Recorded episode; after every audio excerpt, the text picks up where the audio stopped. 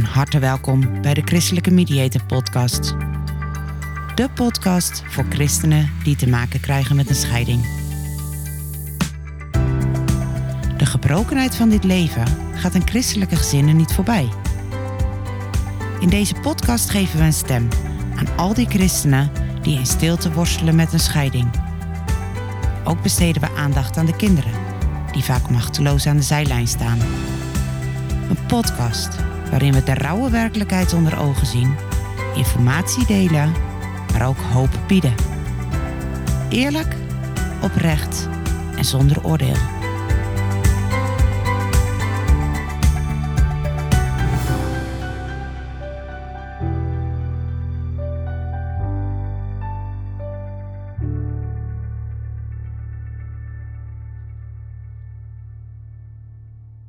Welkom bij de Christelijke Mediator Podcast. Fijn dat je weer luistert. In deze podcast, deel 2 van totaal drie afleveringen, ga ik in gesprek met Bram de Blauw. Bram werd jaren geleden geconfronteerd met de scheiding van zijn zoon. Daar hebben we in de vorige podcast het gesprek over gevoerd. En toen stonden we stil bij de tijd en bij alles wat dat met Bram en zijn vrouw Helma heeft gedaan. En in deze podcast staan we stil bij een van de boeken die Bram schreef. Gebroken en toch heel. Welkom Bram. Aan het begin van je boek, Gebroken en toch heel, schrijf je een bijzonder mooie tekst. Zou je die tekst eens voor willen lezen? En dan bedoel je de tekst over vergeving? Dan bedoel ik de tekst beginnend met mag ik jou hier op deze plaats om vergeving vragen? Ja, ik, ik heb dat twee keer in mijn, uh, in mijn boek uh, geschreven. En ik richt me daarbij gelijk tot de mensen die, waarvan ik hoop dat die het boek lezen, die gescheiden, zijn. En ik schrijf daar: Mag ik jou hier op deze plaats om vergeving vragen voor de pijn die ik en mijn medechristenen jou hebben aangedaan? Ik wil niet beoordelen of de scheiding terecht was of niet. Ik zie je pijn en ik zie je verdriet. En met dit boek wil ik proberen jou een steuntje in de rug te geven om vrij te worden. Ik wil mijn excuus aanbieden voor alle fouten die wij als broeders en zusters om jou heen hebben gemaakt. We hebben Gods woord naar ons beste weten vertaald en toegepast. We hebben er extra regels bij gemaakt, die we de kerkorde noemen. En we denken dat we God hiermee in dienst hebben bewezen. Het spijt ons dat het jou zoveel pijn heeft gedaan en dat jij er afwijzing door voelt. Kijk alsjeblieft naar de liefdevolle Jezus die in Lucas 15 op zoek gaat naar dat ene schaap. En die 99 andere schapen achterlaat op de plek waar ze zijn. Misschien voel jij je door je kerkgemeenschap uitgestoten. En lijk jij op dat ene schaap. Weet dan dat Gods oog ook op jou rust. En dat hij jou niet afschrijft. Om stil van te worden. Ik ben ervan overtuigd dat dit woorden zijn die echt heel veel mensen zullen raken. Juist omdat de pijn en de afwijzing zo diep kan gaan. Mm En dat veel mensen die door een scheiding gaan, uh, dat ook als zodanig ervaren. Wat maakt voor jou dat je deze tekst schreef? Dat je twee keer in je boek eigenlijk je excuus maakt? Omdat ik zelf altijd zo gedacht heb. Omdat ik zelf eigenlijk altijd in die afwijzing leefde. Vanuit mijn opvoeding, vanuit mijn kerkelijke achtergrond had ik geleerd: scheiden kan niet, mag niet. En uh, God is ontzettend boos op ons als we dat doen. En ik had dus een vooroordeel tegen gescheiden mensen. En ik ben dus een van die broeders die, daarmee mijn gescheiden broeders en zusters uh, ja, eigenlijk kwaad en berokkend verkeerd heb gedaan. Dus het is, ik heb het vanuit mezelf geschreven, dus ik, ik schaar mezelf ook hieronder. Maar ik, ik zie ook dat het in meer plekken gebeurt, in meer kerken gebeurt, onder meer broers en zussen gebeurt, dat we zo'n oordeel hebben en afwijzen, terwijl we ze niet ontvangen als broers en zussen en een arm om hen heen gooien. Ja, dus dat maakt dat je zegt, joh, ik stond er zelf ook zo in en daarom zeg ik vanuit mezelf en mede namens andere broeders en zusters vraag ik om een stukje vergeving. Ja, want welk recht heb ik eigenlijk om dat boek gebroken en toch heel te schrijven? Als ik zelf zo'n zelfs zulke gedachten erover had. Want ik heb dat boek pas kunnen schrijven nadat uh, onze eigen zoon gescheiden was, waar we het in de vorige podcast over hadden. Hij werkte daar. Eigenlijk is dit boek is geen boek. Het is eigenlijk gewoon een, wat ik neer heb geschreven in mijn eigen verwerking van de scheiding van mijn zoon. Ik kom uit die achtergrond, kan niet, mag niet.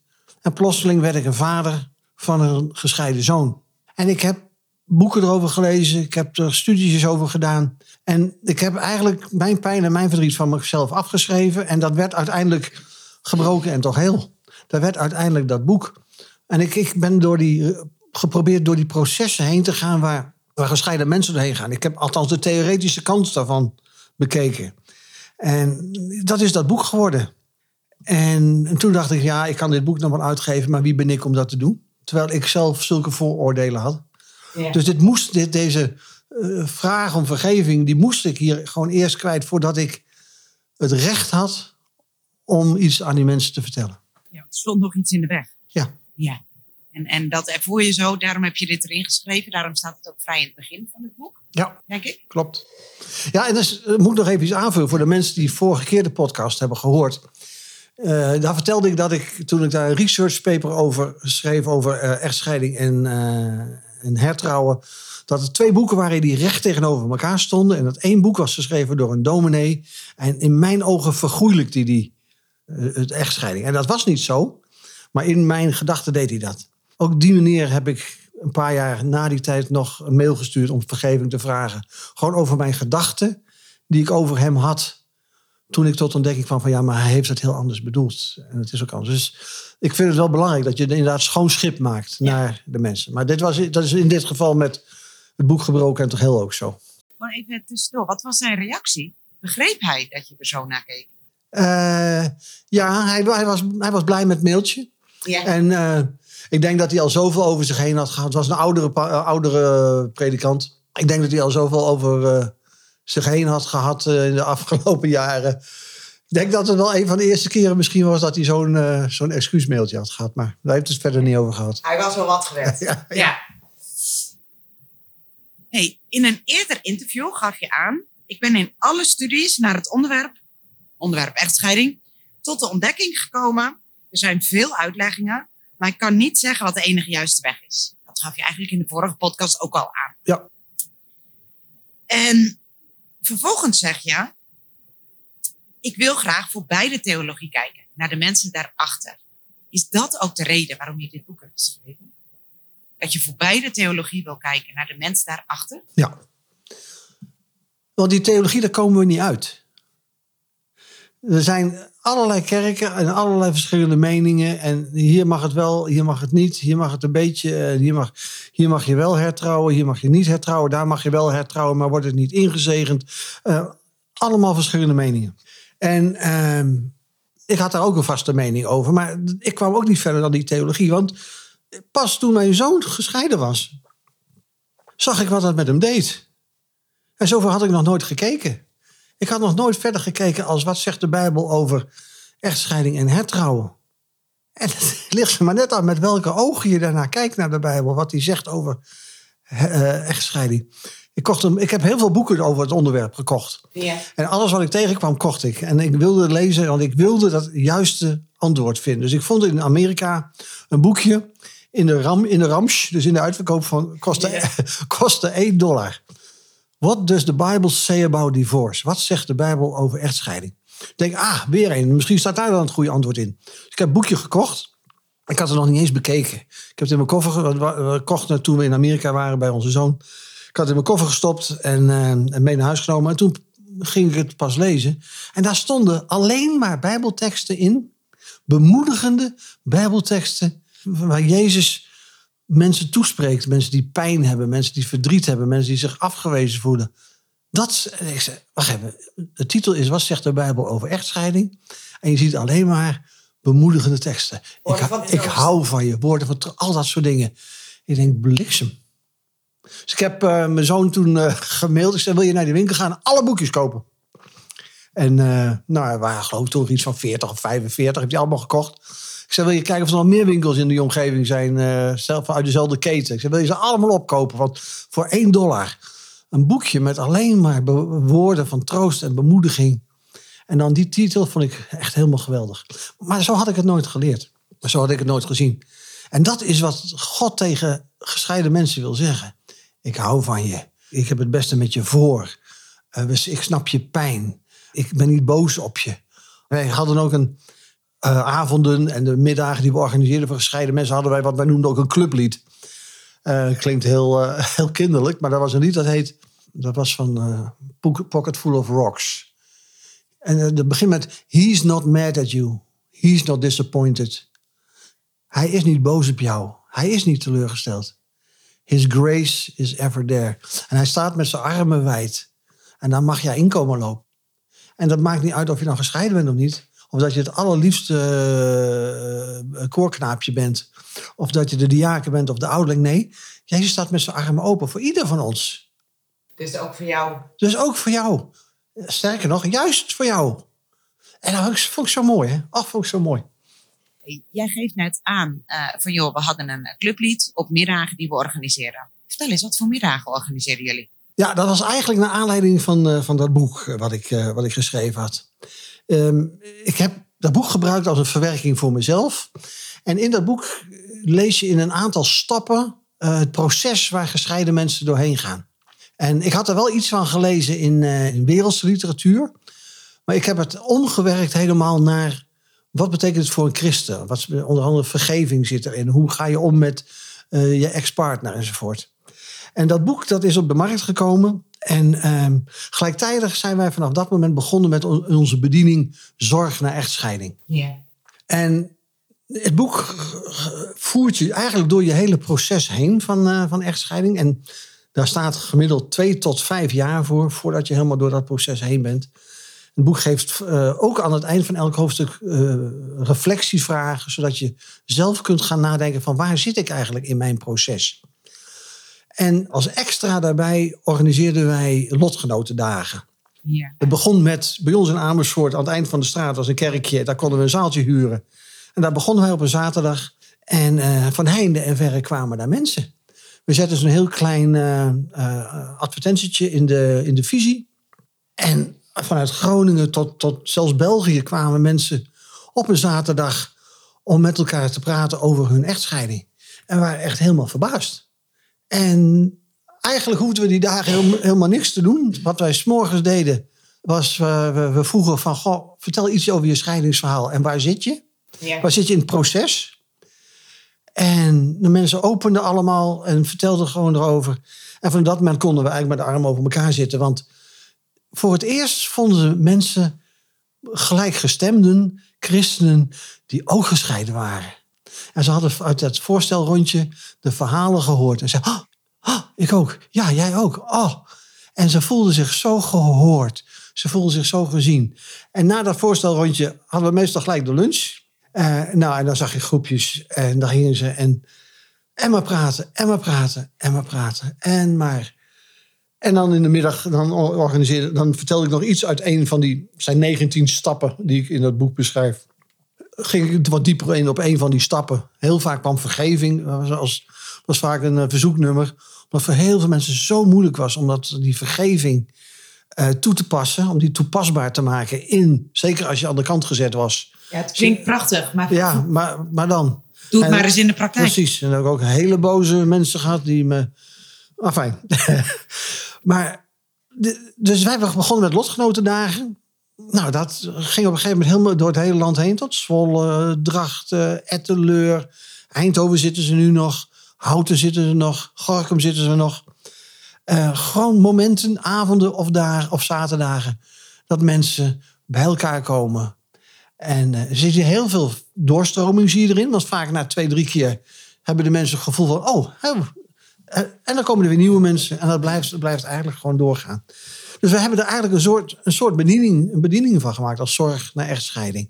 En als mensen, als er luisteraars zijn die zeggen, joh, ik zou dat ook wel eens willen met iemand uh, of, of, met meerdere mensen daarover willen praten. Waar kunnen ze daar meer informatie over vinden? Uh, nou, op onze website gebroken en toch heel.nl. Ja. Dus dat is naar de titel van ons boek, gebroken en toch heel.nl. Daar vind je ook onze, daar vind je iets over die dagen, daar vind je iets over de boeken. En daar vind je ook een e-mailadres uh, van ons. En dan kun je altijd even e-mailen. Ik geloof zelfs dat er nog een telefoonnummer in staat, maar dat weet ik niet, uh, niet zeker. Uh, maar ook als je ons googelt, je vindt ons Tenminste, wij worden zo vaak gebeld, dus mensen vinden ons telefoonnummer altijd. Elk, elk mailtje wordt beantwoord. En als je, we vragen altijd dan even waar je woont. En dan zoeken we een plekje bij je in de buurt. En wil je liever alleen praten, dan kom je gewoon lekker bij ons alleen praten. Uh, het is echt voor ons, ons hart ligt daar echt. Dus kijk op gebroken en toch heel.nl. Vindt de website of vindt het e-mailadres en, uh, en stuur even een mailtje. En, en, dat mogen mensen ook echt als uitnodiging zien als, ja. als ze worstelen en, en, daar zelf niet uitkomen. Absoluut, ja, zeker weten. Zeker weten. Even voor alle duidelijkheid, wij rekenen geen geld. Wij, uh, het is voor ons pro, deo, letterlijk. Het is voor God, dus je bent van harte welkom. Nou, prachtig dat jullie dit doen. En uh, dat jullie, ondanks uh, in je vorige podcast vertelde je van ik ben heerlijk met pensioen. maar fijn dat je, uh, dat je toch op deze manier voor mensen klaarstaat. Hey, het, het, het boek Gebroken en toch heel. Je zegt het zijn 19 stappen. Je, je omschrijft het in je boek eigenlijk als een soort ladder. Als een ladder, ja. En je moet 19 sporten van die ladder belopen om vrij te zijn. Kun je er eens een paar uitpakken welke zijn nou treffend waarvan je zegt van hé, hey, dat is echt wel een, een waardevolle stap die ik eens toe zou willen lichten? Ja, dat kun je niet zeggen. Ze zijn alle 19 eigenlijk even belangrijk. Alhoewel, als je goed kijkt naar die, die ladder, want op de voorkant, op de cover van het boek staat die ladder, dan zie je sommige stappen zijn groter dan andere, andere stappen. Ja. Um, je kunt het eigenlijk verdelen in, in vier fases. Als je door de, je scheiding heen gaat, heb je vier fases. De eerste fase is de fase van uh, chaos, van paniek. Uh, heel vaak, uh, zeker als, je, als jij jezelf niet degene bent die het initiatief neemt tot, tot de scheiding, dan word je vaak mee geconfronteerd. Dan is er ja, chaos, paniek. hoe kan dit nou? En we, hadden, grote puinhoop. en we hadden toch afgesproken dat we nooit zouden scheiden. En hoe moet het nou met de kinderen? En hoe moet het nou met het huis? En hoe moet het nou, hoe moet het nou met dit? dat is de eerste fase. De tweede fase, dat noemen we de diepe zwarte gat. Mm in één keer realiseer je van je raakt vriendschappen kwijt. Je, de, de, het verdriet wat er is. De boosheid uh, die er vaak is. Je gaat echt in de richting van een depressie. En voordat je eigenlijk opnieuw kunt gaan opbouwen, is het laatste van die fase is vergeving. En dat is van alles de allermoeilijkste fase. Dat is ook waar de mensen de meeste moeite mee hebben. Dat ze ook zeggen, Bram, maar je kunt je niet, dat kun je niet van mij vragen om mijn ex te vergeven. En we proberen overigens altijd het woord ex te vermijden. We hebben het altijd over de vader van je kinderen of de moeder van je kinderen. Uh, maar als het niet anders kan, dan, uh, dan gebruiken we het wel. Maar uh, we zeggen, je, je, je, soms moet je jezelf vergeven. Heel veel mensen verwijten zich, ondanks het feit als ze zelf aan de kant zijn gezet, verwijten ze zich vaak dat ze het zover hebben laten komen. Had ik het kunnen voorkomen? Als ik nou dit had gedaan. Ja, maar als. En op een gegeven moment zul je jezelf moeten vergeven in de dingen waar je niet in bent geslaagd. Je zult op een gegeven moment moeten erkennen, het is me niet gelukt. Voor heel veel mensen is dat moeilijk. Want op het moment dat ze dat doen, dan zeggen ze eigenlijk, het komt ook niet meer goed.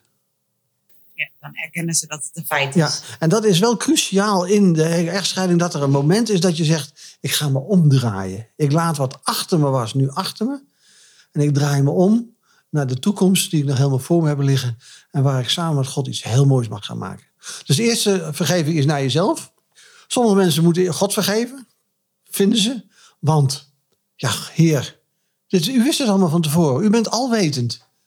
En ook twintig jaar geleden, ook zes jaar geleden. Toen wist u, toen wij gingen trouwen, dat we vandaag zouden gaan scheiden. Waarom hebt u dat niet voorkomen? En mensen zijn heel boos geweest op God.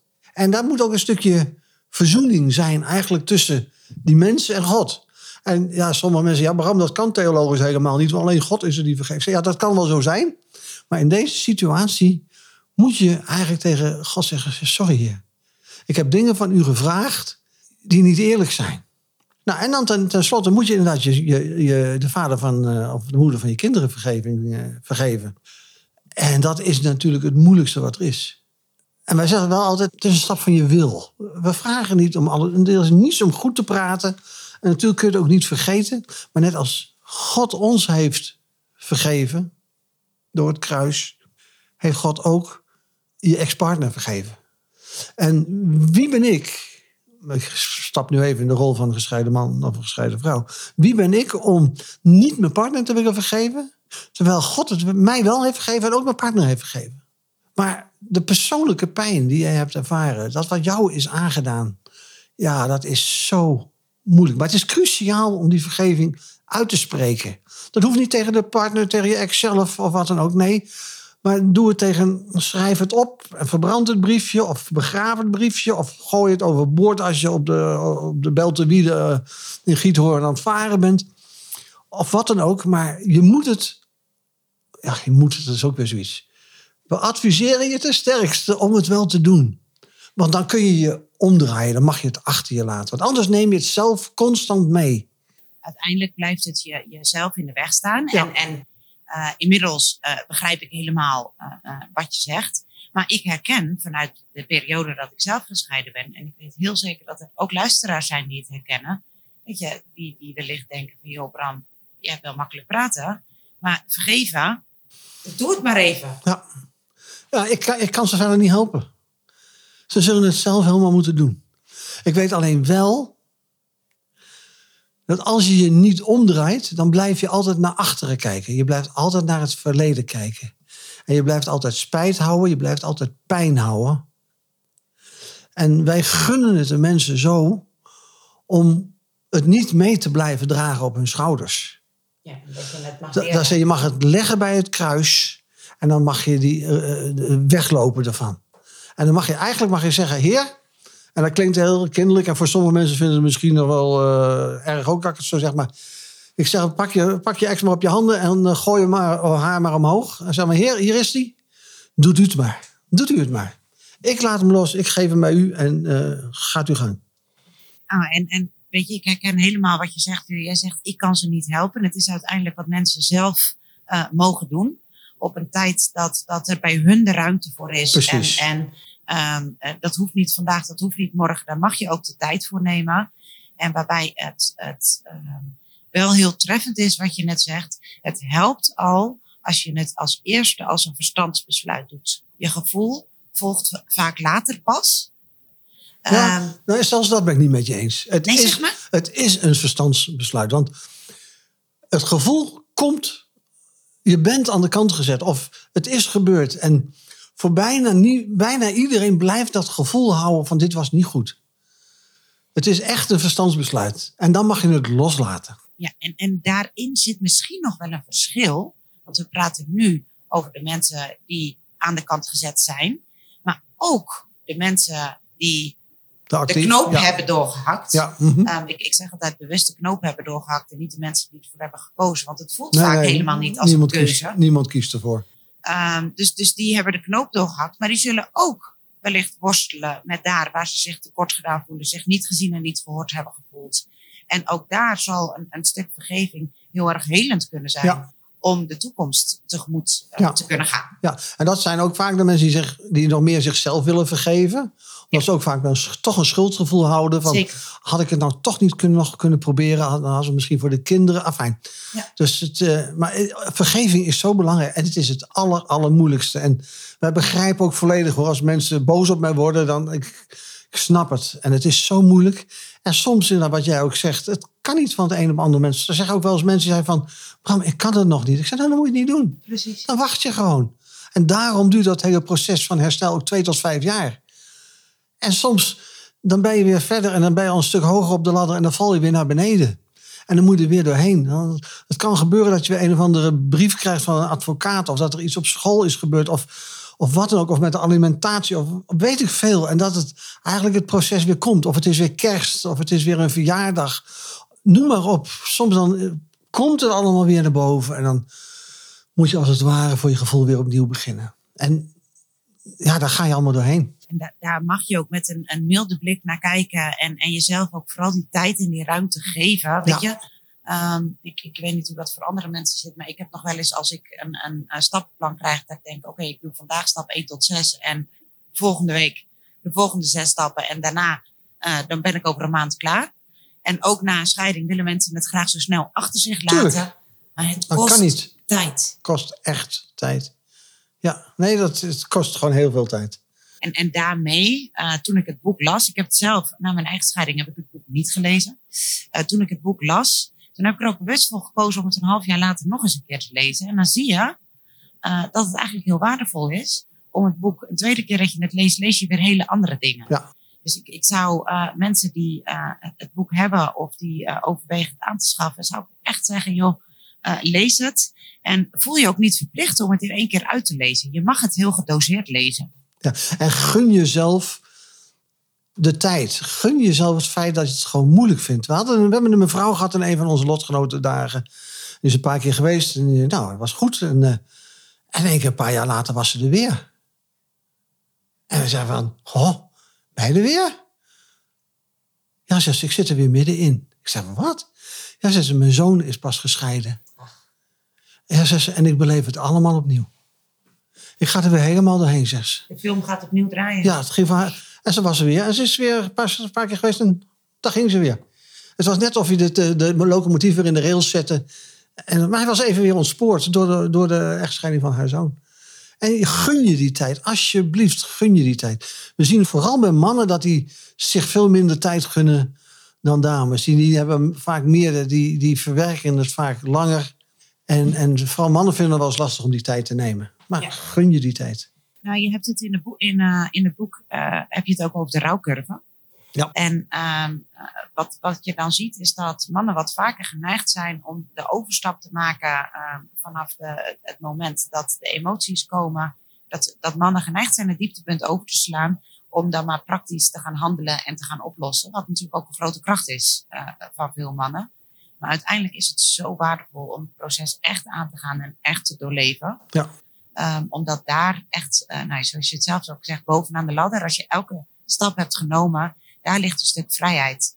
Die, nou ja, waarvan jij zegt, die gun ik iedereen. En, en dat, uh, nou ja, daar, daar kan ik me alleen maar heel erg bij aansluiten. Dat is heel grappig. Wij, uh, we zien ook in onze groepen dat meestal het is 80% uh, vrouw en 20% man. Ja. En uh, ook kerken organiseren wel eens van dit soort bijeenkomsten voor gescheiden mensen. We waren uitgenodigd door een kerk.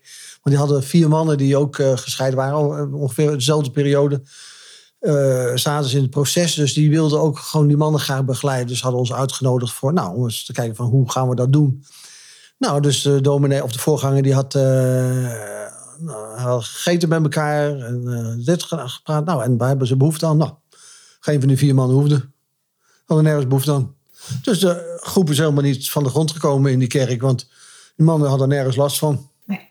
Nou, ik geloof er helemaal niets van dat ze nergens last van hadden. Maar ja, dat geven we niet toe naar elkaar, hè? Maar zou het ook kunnen zijn dat ze op dat moment misschien daar nog niet bij konden. En ook door de groepsdruk, ook al waren het er maar vier, uh, en dat het dan later nog wel komt? Ik heb geen idee, maar er was juist geen groepsdruk. Want het was juist heel ontspannen. Er was niks. Eten erbij, uh, hoefden ze niet zelf te koken uh, thuis. het was gewoon hartstikke goed. En dit was het uitgelezen moment voor de jongens om te zeggen van... zullen we gewoon anders eens per anderhalve maand een keer lekker naar de kroeg gaan met z'n vieren? Dat zou al genoeg geweest zijn. Ja, precies. Maar nee, nee dat nu nodig. was er niet. Nee. Ik wil je ontzettend bedanken um, voor dit verhaal weer. Uh, de tweede podcast. Um, echt van harte aanbevolen het boek uh, Gebroken en toch heel. Waar kunnen mensen het bestellen? Uh, het kan via diezelfde website. Die je net Gebroken en toch heel.nl. En dan kun je hem zelfs bestellen in het Engels of in het Spaans of in het Chinees of in het Russisch. Want het blijkt een boek te zijn wat in de christelijke wereld eigenlijk bijna niet bestaat. Dus we krijgen regelmatig verzoeken of ze het mogen vertalen. En dat, uh, dat gebeurt dan ook. Ja. Dus, en eh, ik moet ook zeggen, er zijn al vier drukken van verschenen. Dus het blijft helaas een boek wat heel erg nodig is in, uh, in Nederland. Maar op www.gebrokenhetgeheel.nl daar is een, een webshopje en daar, daar kun je hem bestellen. En anders, en anders in de christelijke boekhandel. Helder. Nou, wat, wat mij heel erg opviel aan dit boek is dat het een boek is waar uh, heel erg uit uh, de mening of het oordeel gebleven wordt. En wat heel praktisch en, en voor iedereen uh, in zijn of haar proces toepasbaar is. Waar je ook zit, waar je ook staat in het hele proces. Um, dit boek kan je helpen. Dus echt van harte aanbevolen. Ik spreek je graag in de volgende podcast weer, Bram. Dankjewel. Dank voor het luisteren naar de Christelijke Mediator podcast. Mocht je behoefte hebben aan advies of aan een luisterend oor, schroom niet. Neem vooral even contact op. Dat kan via www.christelijkemediator.nl. We helpen je graag. Je staat er niet alleen voor. Wil je geen aflevering meer missen? Abonneer je dan op de podcast in je favoriete luisterapp.